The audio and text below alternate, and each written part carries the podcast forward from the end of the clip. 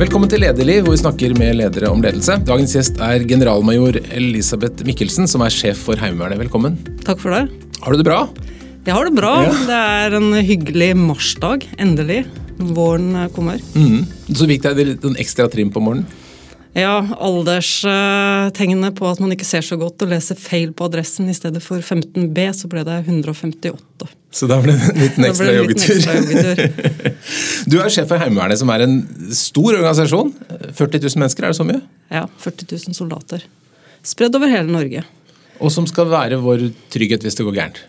Heimevernet er jo en beredskapsorganisasjon. Eh, brorparten av de 40 000 har jo en helt annen jobb i det vanlige. Og så kan de kalles på, og det er jo det som gjør at vi har en robust beredskap i hele Norge. Og nå har jo forsvar fått en helt annen eh, viktighet og relevans siste år etter at eh, Russland gikk inn i Ukraina. Har invasjonen der påvirket Heimevernet på noen måte og deres situasjon? Heimevernet er jo tufta på aldri mer 9. april. Eh, Vi er jo en organisasjon som var et direkte resultat av forrige verdenskrig. Det jeg tenker at denne krigen i Ukraina har vist oss, det er relevansen til Heimevernet. Og forståelsen for at vi trenger en sånn type beredskap også i Norge. Også i dag. Tror du den kommer til å få um, konsekvenser for rammebetingelsene deres? Den fikk jo umiddelbare konsekvenser eh, allerede i fjor vår, der vi fikk eh, ekstra midler, 300 millioner, til å trene og øve mer, men også bygge kompetanse. Og det resulterte jo faktisk 60% aktivitetsøkning i en organisasjon som Heimevernet. Det er betydelig. Og så får vi se hvordan fremtida blir. Ja, det, er vel, det, det kan vel tenkes at vinden blåser deres vei sånn, sånn politisk. Men når du ser på eh, måten ukrainerne forsvarer seg mot Russland på, altså, ligner det på hvordan det ville sett ut hvis vi skulle fått en sånn situasjon i Norge? Jeg tror at det vi ser eh, av forsvarsvilje eh, og bruk av totalforsvar, det vil vi også måtte se i Norge. Ekstremt viktig. Og begge deler er jo egentlig erfaringer vi har fra andre verdenskrig. Eh, Det at eh, forsvarsvilje står sentralt, at vi har et folkeforsvar, eh, at vi har territorielle styrker, eh, og at dette er sydd sammen eh, med fornuftig bruk av samfunnets ressurser, det tror jeg vi vil også se i Norge. Og det har vi allerede i Norge. Vi bruker jo totalforsvaret i alle typer kriser, egentlig. Og nå Styrken til Heimevernet er jo at eh, man forsvarer sitt eget eh, hjemmeområde. Er det en stor militær fordel det å være på, eh, i sitt eget lokalmiljø? Åpenbart. eh, Med at du er i ditt lokalmiljø, så er du en kjent av folket. Du kjenner eh, folket, du har nettverk, eh, du har kunnskap om omgivelsene. Du har tilgang til ressurser, og du kan gi råd til andre militære som skal operere der. Men du kan også skjule deg for en eventuelt fiende. Men sånn hypotetisk, da, hvis du skulle fått et russisk angrep her nå det Spørs om de har krefter til, til å ta noen flere ting. Men, men hadde vi klart å stå imot på samme måte som ukrainerne gjør? Hvordan hadde forskjellen vært? Jeg er helt overbevist om at Norge hadde gjort eh, det som kreves hvis vi skulle bli utfordra. Gjennom Heimevernet så har du et, en beredskap som står for reaksjon. Og til en viss grad utholdenhet. Reaksjon i form av at vi har folk som har et lokal tilhørighet, som har tilgang på uniformer hjemme, som har nær tilgang på våpen. Eh, og den eh, umiddelbare responsen det vil bli, er jo 40 000 under våpen raskt. Eh, og så vil vi koble oss inn med hele totalforsvaret. På både lokalt og regionalt og sentralt nivå. Og få dette her satt sammen, bruke planene våre. Må vi sørge for at uh, Luftforsvaret og Sjøforsvaret gjør sin del av dette her. Og at Hæren som en mobil knyttneve uh, kommer seg dit den gjør mest nytte for seg ut ifra hvordan situasjonen er. Og så er det ikke minst viktig at vi er i stand til å ta, våre allierte, ta imot våre allierte. Eh, og alt dette har vi jo planer for. Det er derfor vi øver og trener, derfor vi har store vinterøvelser som trimmer planverket, som gjør de allierte kjent med våre terreng. Eh, og alt, alt er ekstremt viktig i disse dager.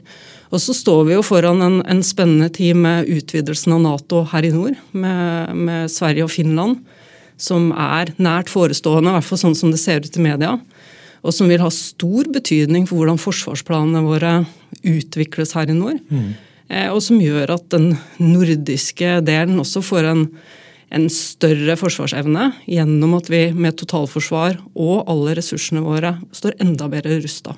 Vil vi stå sterkere hvis, når Sverige blir Nato-medlem? Ja, det vil vi gjøre. Mm. Vi vil stå sterkere i Norden mm. med to nye medlemsland som har betydelige militære ressurser. Men som også er veldig like oss eh, i kultur. Eh, og det er stor tillit i befolkningen, og de også bruker totalforsvar som konsept. Mm. Så vi prøver nå å finne alle mulige koblinger som gjør at dette her vil virke best mulig. Disse nyhetene om, om, eh, hva vi sender og ulike land bidrar med til eh, Ukraina, sånn har gitt folk flest litt mer oppmerksomhet på hvor mye vi har av ting. Så har vi nok? Har du nok utstyr? Man skulle jo alltid ønske seg mer. Det er jo det som er standardsvaret på en, på en sånn ting. Jeg tenker at uh, For vår del så er trening og kompetanse viktigere enn utstyr. Men det er kjempeviktig at vi har våpen og ammunisjon. Eh, og så går jeg ikke inn på hva vi har på beredskapslager. og Åpenbart så er det store diskusjoner om uh, hvor utstyret trenges nå. Jeg støtter fullt og helt den linja med at vi donerer. Krigen foregår i Ukraina nå. Eh, og de trenger utstyr og de trenger den støtten de får fra Vesten nå, skal de mm. klare å vinne denne krigen. Ta litt din historie. Det er jo ganske enkelt når man snakker med militære om karrieren. Stort sett var Så det, var, det er jo 31 år siden du begynte på befalsskolen. Ja, ja. sommeren 1992. Ja. Ja, da var jeg nyutdanna maskiningeniør fra Gjøvik ingeniørskole. Hva var det som gjorde at du ville inn i Forsvaret? Det, for det første så var 1992 et uh, vanskelig år for nyutdanna. Det var, var, ikke mulig å få jobb. Uh, og så hadde jeg to stykker i klassen min som gikk uh, på Forsvarets regning, og som oppfordra meg til å søke på befalsskolen. Så tenkte jeg da gjør jeg det, da. Og så blei det det som blei min vei. Masse tilfeldigheter. Men på bakgrunn av Ingeniørhøgskolen så fikk jeg fast yrkesutsetning når jeg var ferdig med min toårige etatsutdanning. Så da slapp jeg å søke noen jobber. Da fikk jeg være i Forsvaret, og det trivdes jeg veldig godt med. Og jeg har ikke angra på det. Og så har du da, som, som, alle som har vært mange år i Forsvaret, flytta mye rundt. Eh, både innland og utland. Hva er det som du har vært de største opplevelsene? Det er, eh, det er, nok mange opplevelser som står for meg som gode. Eh, jeg føler egentlig at eh, man må leve litt i nuet.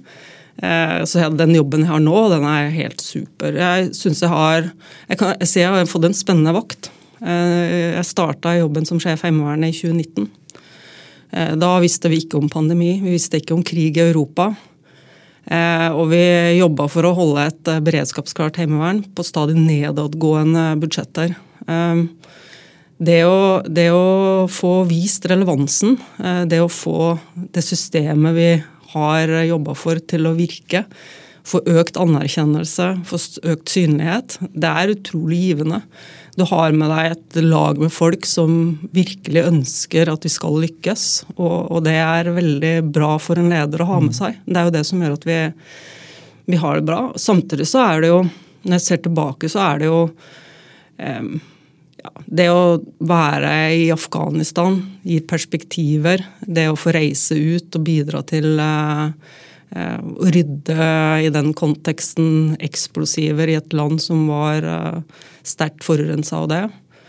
Eh, det å være leder i et brigadesystem, det å bli utdanna som eksplosivrydder sammen med allierte i USA og England. Mm. Alt dette er sånne gode minner på en reise som har blitt litt til underveis. Og jeg har alltid følt at det er ikke noe jeg må. Jeg må levere der jeg er, og så koser jeg meg der jeg er. Mm. Du kommer da inn med sånn faglig teknisk utgangspunkt, men så er du, er du jo en stor leder. Når var det du skjønte at ledelse var din ting? Jeg tenkte veldig tidlig at jeg likte kombinasjon av fag og ledelse. Mm. Eh, og innafor dette med eksplosivrydding så er det utrolig mye teknisk. Men jeg likte å lede, jeg likte å stå i fronten for utviklinga. Mm. Ehm, men det var alltid en sånn der kombinasjon av fag og ledelse. Og så ble jeg eh, tilbudt å gå på et sånn eh, lederutviklingsprogram. Eh, eller et mentorprogram. Mm. Der man skulle dypdykke litt. Finne litt disse drivkreftene. Hva er det som ligger i deg, og hva er det du egentlig brenner for? Og, og, i den konteksten så var det egentlig det jeg brant mest for. Det var ansvar. Og så likte jeg ledelse veldig godt.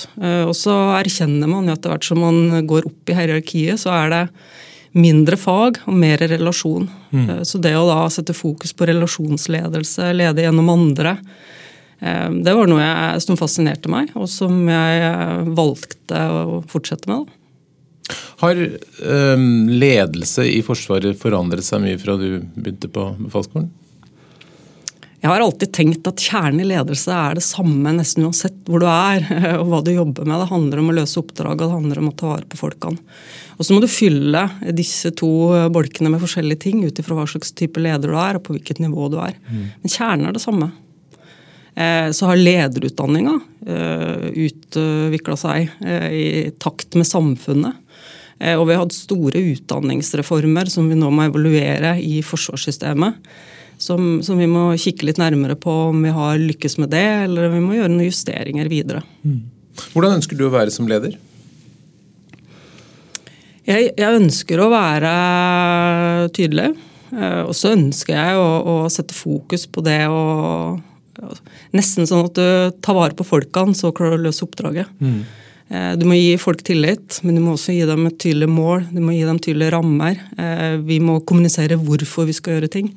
Denne hvorfor er veldig viktig. Eh, hvis ikke folk forstår hvorfor, så er det vanskelig å få dem til å gjøre det. Og det handler jo også om å, sette kursen jeg tenker jeg ønsker å være tilgjengelig for å ta beslutninger, sånn at vi driver organisasjonen framover. Jeg er ikke redd for å omgjøre beslutninger hvis jeg viste at de var feil, eller viser seg at de var feil. Mm.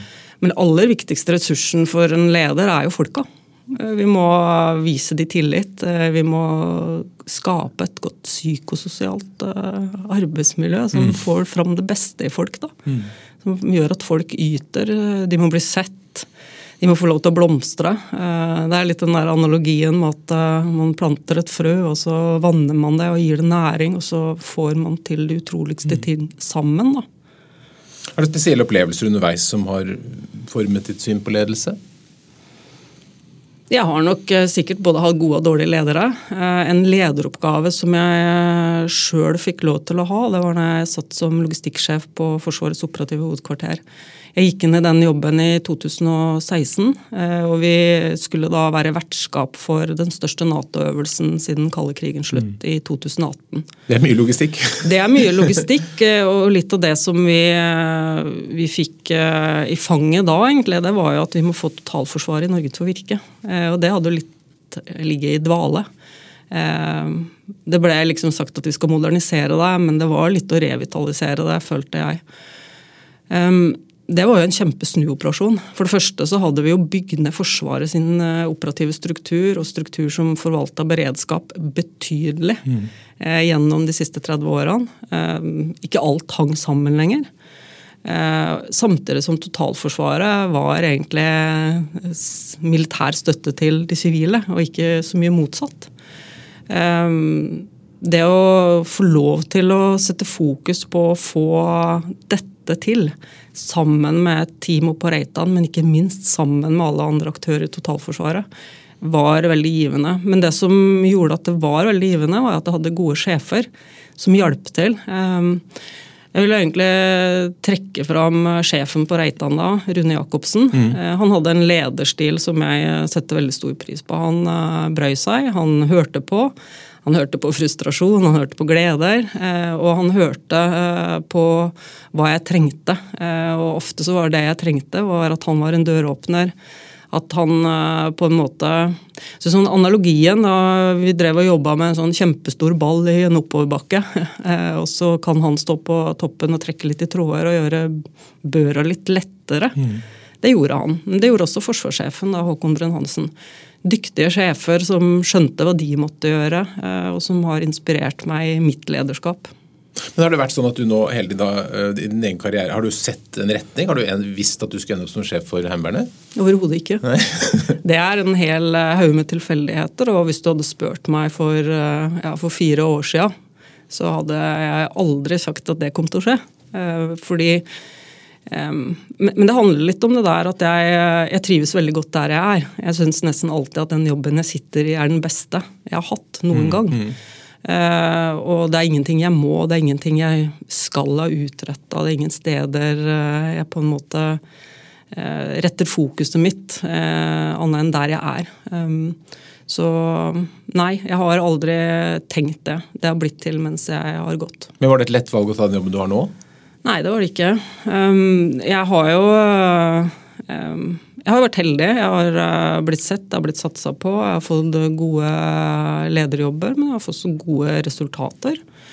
Eh, så fikk jeg eh, en, en plass på US Army War College. Der gikk jeg fra 2018 til 2019.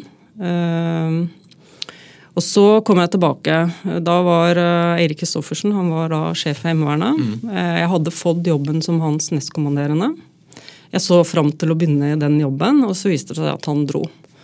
Eh, og enten jeg likte det eller ikke, så måtte jeg jo ta på meg å være fungerende sjef i en organisasjon som jeg ikke kjente. Eh, og jeg hadde akkurat fått opprykket, eh, så jeg følte det var fryktelig tidlig å søke sjef Heimevernet. Så tenkte jeg hva er det jeg er bekymra for? Eh, har jeg ikke lyst på jobben? Og så mm. gikk jeg noen runder med meg sjøl. Og det jeg konkluderte med, det var jo at jeg må løse jobben. Eh, jeg har lyst på jobben. Eh, og, frykten min den går egentlig på hva andre tenker, ikke hva jeg tenker sjøl. Jeg var helt sikker på at jeg ville mestre den, men jeg ville måtte bruke tid på å bli kjent med organisasjonen. Den er stor, eh, og den krever, krever den type dedikasjon. da. Mm. En kompleks organisasjon å bli kjent med. for en ting er Det er mange steder, men det er jo mange av de underordnede som jo bare er innom en gang iblant. Ja, Det er jo åpenbart. Altså, det er klart man, eh, man, er på toppen av en veldig stor organisasjon. Men det er jo veldig mange lederlag nedover. Mm. Eh, Hvordan jobber du for å bli kjent med organisasjonen? Eh, for det første så må jeg jo reise rundt og snakke med folk. Eh, det har jeg brukt mye tid på. Og jeg har et mål om at jeg i hvert fall er rundt i alle distrikter én eh, gang i året. Elleve distrikter? Elleve distrikter. Mm. Noen steder blir det flere ganger, andre steder blir det kanskje bare den ene gangen. Eh, på disse møtene her da, så er det forskjellige ting jeg gjør. Jeg prater med stabene. Jeg får høre litt hva de har på hjertet, hva de er opptatt av. Jeg forteller litt hva jeg tenker på, hva jeg er opptatt av. God dialog. Eh, og så er vi selvfølgelig ute eh, på, på trening og øving og mm. snakker med soldatene som er kalt inn fra sine sivile jobber, og hører litt hvordan de har det. Eh, jeg har veldig viktig ledernivå, er områdesjefene i Heimevernet. De er jo på et verv. 10 jobber de for Forsvaret, og så har de en sivil jobb. Vi har satsa mye på å bli kjent med den kategorien, som er en utrolig viktig ledersjikt. Som skal være den eh, lokale koblinga fra Forsvaret inn mot det sivile samfunnet. Hvor Mange er det omtrent? De er 207 eh, stykker, mm. Eh, spredd over hele Norge. Så jeg starta ganske tidlig med å gjøre en stor undersøkelse blant de, på både operative og administrative spørsmål, for å høre litt hva de var opptatt av, og hva de ønska at vi satsa på. Så begynte vi litt sånn systematisk å jobbe med den personellgruppa som er ekstremt viktig. Den første, den første, personen fra Forsvaret som eh, var på Gjerdrum, det var jo områdesjefen fra Gjerdrum og Nannestad. Mm. Disse vil være den lokale beredskapen som kan uh, tråkke til nesten uansett hva det måtte være. Mm.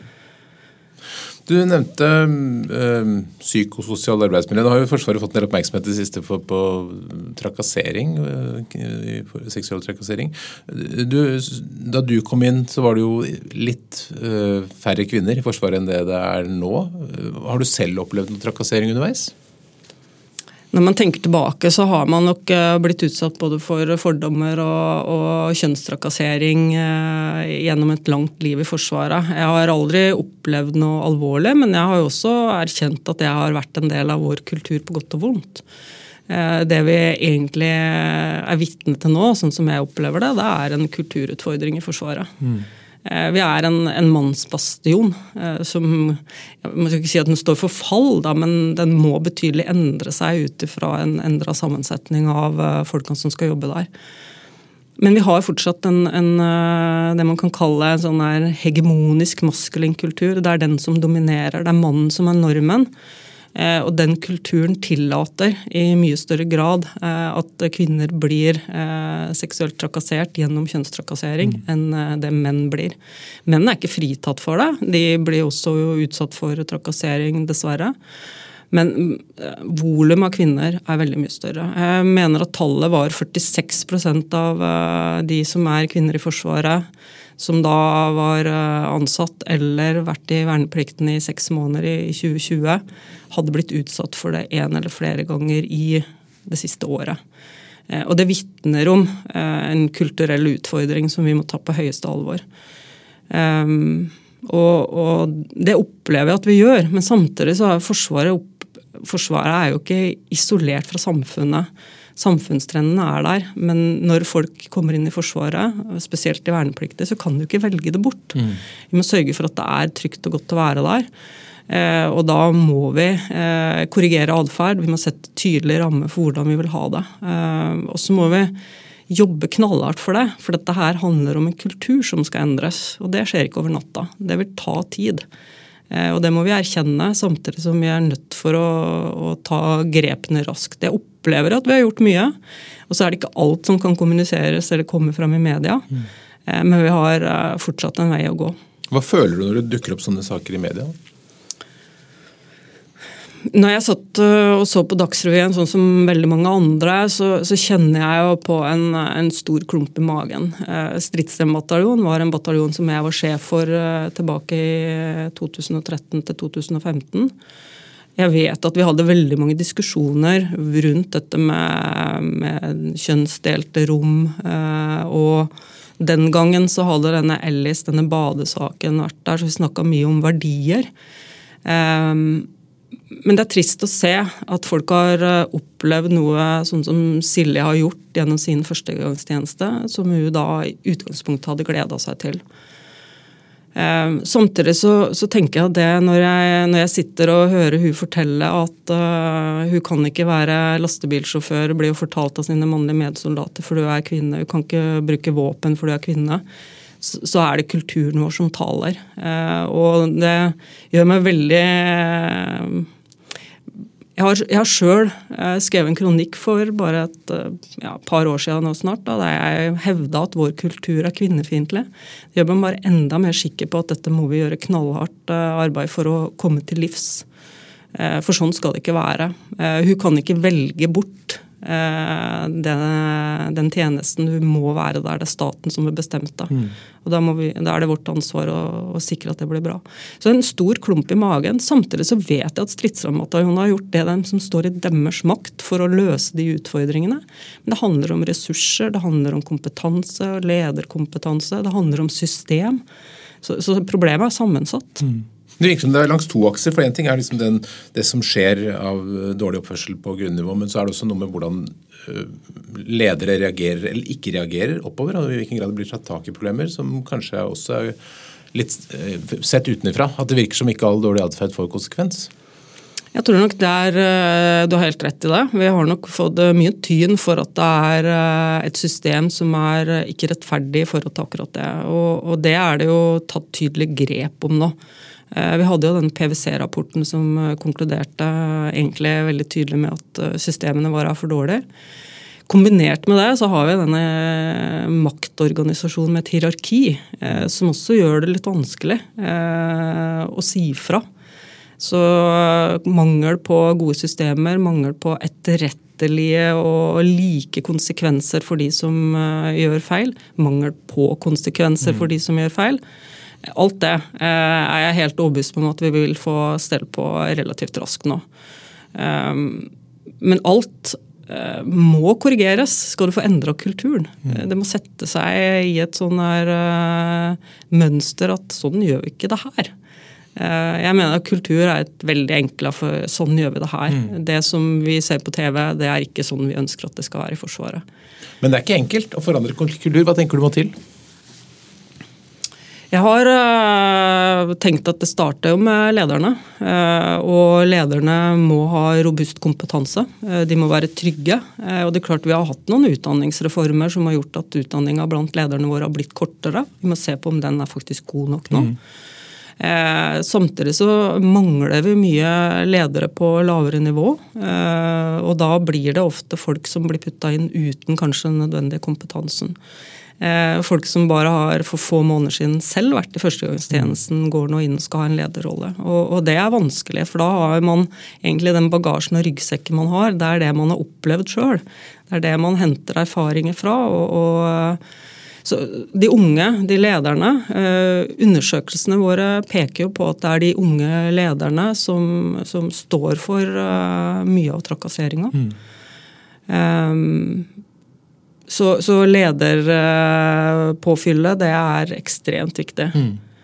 Så det hovedgrepet ditt vil være å styrke ledelsesutdanning, egentlig? Ledelsesutdanning må styrkes, uh, ses på. Samtidig så tenker jeg at systemene våre de må vi rydde opp i. Mm. Um, når vi nå har fått uh, mange bevis på at man ikke har hatt tilstrekkelige konsekvenser, så er jo det også noe vi må få orden på. Men samtidig så skal det ikke være sånn at du er straffa for livet hvis du blir dømt eh, i en eller annen varslingssak i Forsvaret. Mm. Vi er jo en del av et rettssamfunn. Rettsorden skal også gjelde i Forsvaret. og Vi skal ikke ha noen egne regler. Eh, en sånn stat i staten, det ønsker jeg ikke at vi skal eh, gå i retning av. Men systemene våre må være rettferdige. Mm. Verdier. Jeg tenker at vi må snakke om verdier. Eh, verdigrunnlaget vårt er jo respekt, ansvar, mot. Eh, og hvis vi skal komme en maskulin kultur til livs, så har jeg tatt til orde for at respekt ansvar mot, det er litt knallhardt. Sjøl om du alltid kan eh, argumentere for at eh, respekt kan bli noe mykt, eh, så tror jeg at vi er nødt for å, å revidere verdigrunnlaget. Mm. Og Det har jo forsvarssjefen tatt til orde for. Han ønsker å se på verdigrunnlaget. Personlig så har jeg jo sagt at uh, i mitt lederskap så ønsker jeg å stå for respekt, ansvar, mot. Men jeg ønsker å legge på to lederverdier til, og det er omsorg og det er raushet. Uh, for verdiene skal være ditt kompass, uh, sånn at du, du leder basert på verdiene som er viktige for deg og for organisasjonen du er en del av. Og det vil hjelpe. Ehm, det er jo veldig mange ting som eh, Så en, eh, en god kollega som nå er pensjonert, er Jon Reichelt. Han, han, har jo eh, mange kloke tanker, og han sier jo dette med folk er styrt av følelser. Det klarer du ikke å få gjort noe med. Folk vil gjøre feil. Det får du ikke gjort så mye med. Men du må sette tydelige rammer, eh, og ledere bør bruke verdier som sånn guidance for at folk skal kunne oppføre seg. Hvis du tegner en tydelig vei på her er veien du bør gå på, beveger du deg utafor, så må du ta konsekvensen av det og rydde opp etter deg. Det vil gjøre det lettere for alle. Og det er det jeg mener at verdiene skal hjelpe oss med. Hvordan bruker du verdier i det daglige? Er det sånn du snakker mye om det? jeg snakker om det, og så tenker jeg at uh, de, de, må jo egentlig gjenspeile seg i mine beslutninger, i hvordan jeg snakker til folk, hvordan jeg oppfører meg som leder og, og, og hva jeg gjør. Og jeg tenker også at uh, jeg lever jo mine verdier når jeg sitter her og snakker med deg. Jeg syns det er viktig at vi kommer ut og snakker om eh, litt av de utfordringene vi har i Forsvaret, og jeg er villig til å gjøre det. Eh, det er å ta ansvar, og det er å vise mot. Mm. Eh, men det er også å respektere at vi faktisk står i utfordringer, og de som har stått fram nå, modige kvinner, eh, at det faktisk er Det har vært viktig, og det skal være verdt det. Mm. Tenker du at Heimevernet er litt annerledes enn hæren, f.eks. For fordi dere er mer tettere på sivilsamfunnet? Er det en bedre kultur i Heimevernet? Det er vanskelig å si at det er en bedre kultur i Heimevernet. Det er en annerledes kultur. Eh, vi er fortsatt en del av samfunnet, eh, og våre soldater er primært utdanna i Hæren. Mm. Så det som utdannes gjennom Hæren, er jo soldater som kommer til Heimevernet i det du nesten kan kalle andregangstjenesten. Verneplikten er jo fra 19 til 44 år. Når de har gjennomført disse tolv månedene, så blir de overført til oss. Det de har eh, lært gjennom hærlivet sitt, tar de med seg. Ehm, samtidig så har Heimevernet helt ifra opprinnelsen hatt skjevsfokus sjefsfokus på at vi skal være dus i Heimevernet. Mm. Det å ta ned maktdistansen, det å ikke bruke general, men Elisabeth. Mm. Alle sånne ting er veldig mye tydeligere i Heimevernet. Litt mer sånn folkeforsvaret. Så, så på den måten så er nok kulturen litt annerledes. Og så er det jo en litt annen struktur, så du har jo ikke masse unge mennesker som ligger på rom sammen i, i lang tid heller. Nei, det har vi jo heller ikke. Så... Alderssammensetninga er jo åpenbart uh, forskjellig. Per nå så har vi en, uh, en kjønnssammensetning på uh, ja, 92% menn, 8 mm. kvinner. Om ti år så vil vi gjenspeile det førstegangstjenesten har i dag, sånn 30-70. Hvert år så skifter vi ut 4000 av våre soldater. Og um, vi forsøker å få soldatene inn tidligere, eh, helst rett etter førstegangstjenesten nå, for at de skal ha fersk soldatkompetanse. Eh, tidligere så har de blitt sittende litt på vent, eh, og kanskje sågar gått opp i ti år mm. før de har blitt kalt inn til førstegangstjenesten. Nei, til, til heimevernstjenesten. Mm. Men alt dette her um, er litt dreining. Um, kulturen vår er nok prega av uh, mye. Samfunnet, mm. Mm. hvor de kommer fra. Men også at vi er uh, lokale og desentraliserte mm. og en del av et samfunn. Dere har en strategi som, hvor bl.a. et av hovedpunktene er synlighet og anerkjennelse. at dere skal bli... Jeg la merke til at dere skal bl.a. ta uniform på jobben-dagen, og sånn, så man skal vise mm. at man er uh, heimevernssoldat. Men tror du disse negative sakene gjør at folk blir mindre stolte av å være en del av Forsvaret? Ja, de, de, sakene som eh, går i media, de svekker omdømmet vårt. Mm. Uh, internt også. Uh, er det et problem? Folk blir frustrert og forbanna. De føler seg at uh, dette, er, dette, er, vanskelig, dette må vi gjøre noe med. Og så klarer man ikke helt å se at vi har fått til det, kanskje, kanskje enda. Mm. Men samtidig så tror jeg at uh, veldig mange har reflektert over at dette er en organisasjon uh, som de ønsker å være en del av. Det har jo også jeg gjort. Og det er jo vanskelig å, å si at uh, 30 år i, i, Forsvaret skal være forgjeves. De valgene jeg har tatt og det organisasjonen Forsvaret står for, er mm. veldig mye bra.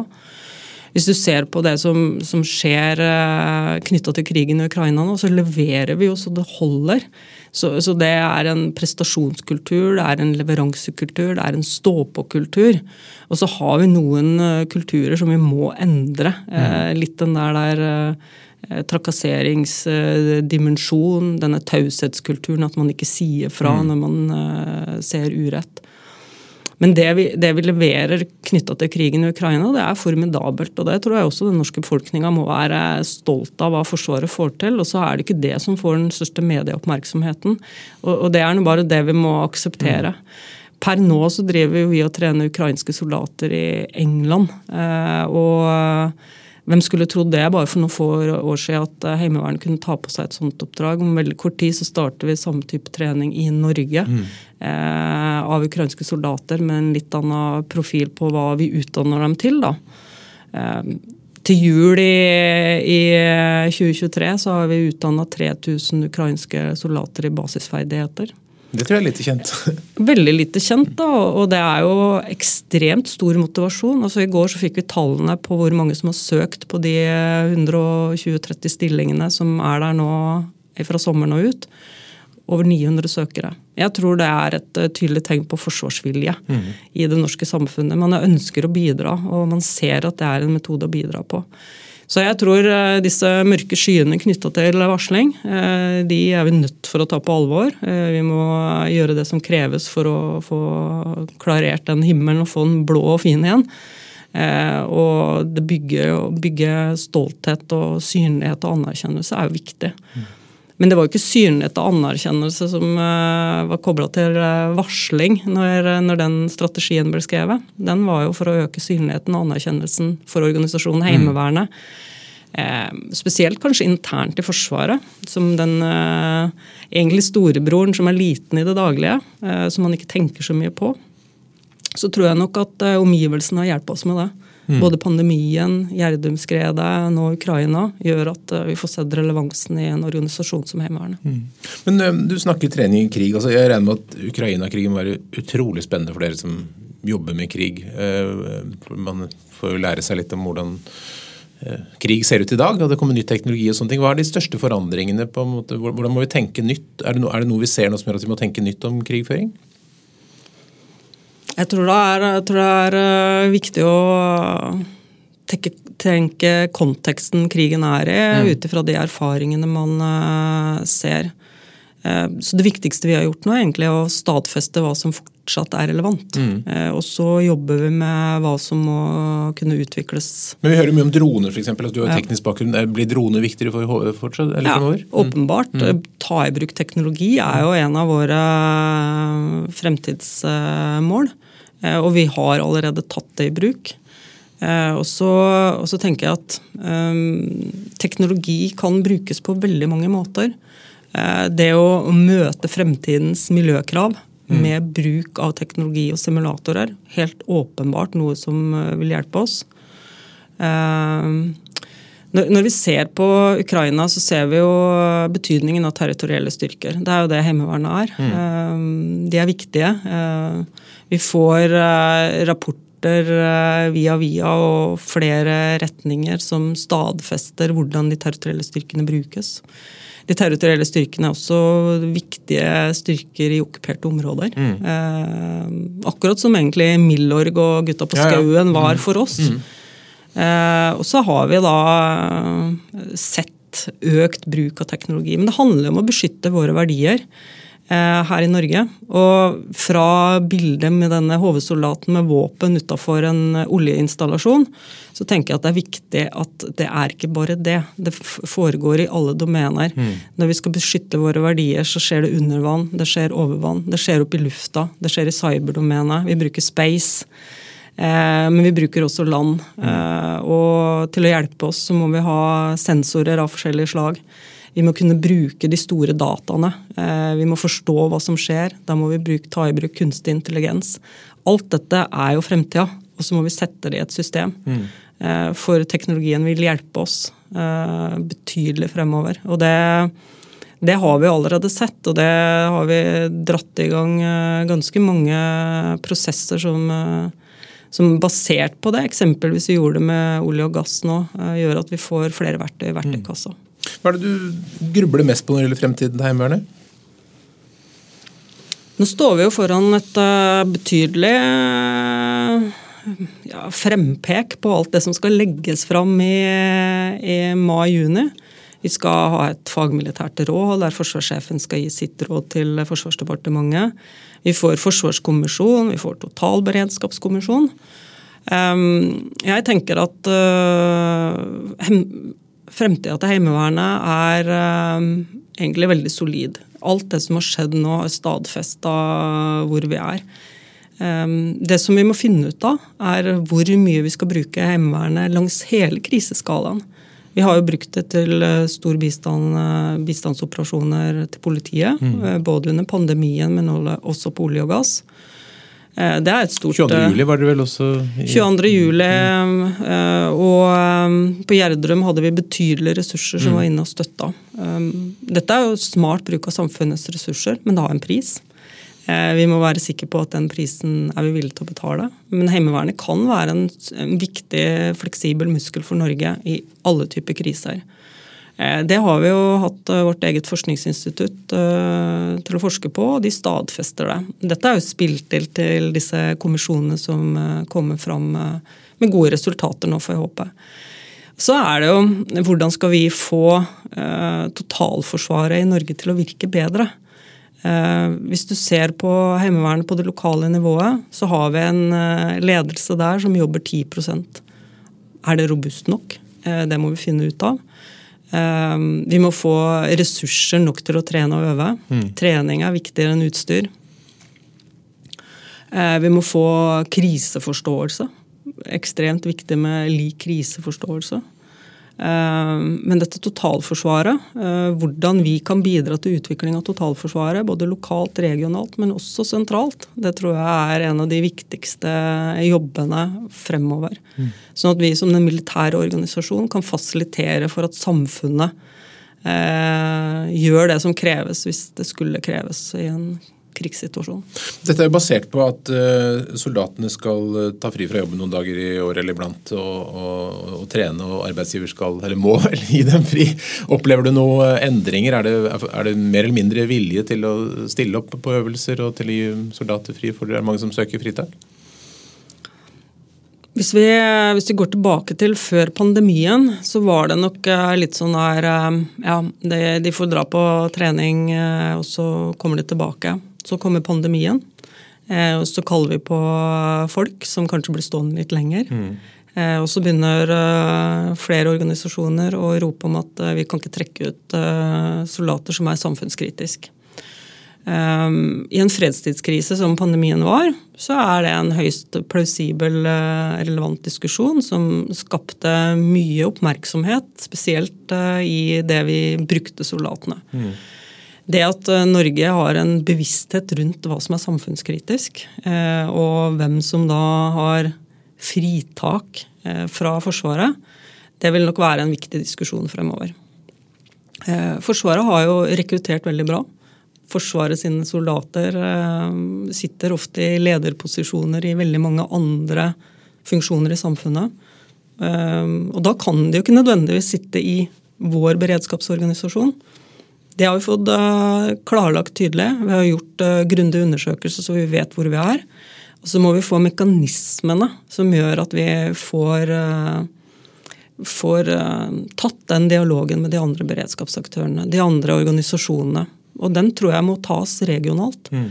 Hvis statsforvalteren, hvis politimesteren og distriktssjefen fra Heimevernet sammen med de andre beredskapsaktørene i eksempelvis Innlandet setter seg ned, finner ut hva er planene for Innlandet, hva er det som er viktig, eh, hvem trenger folka, eh, og hva er eh, sivilsamfunnet sin rolle for å understøtte Forsvaret i dette systemet. Så kommer det flere svar i tida fremover, tenker jeg.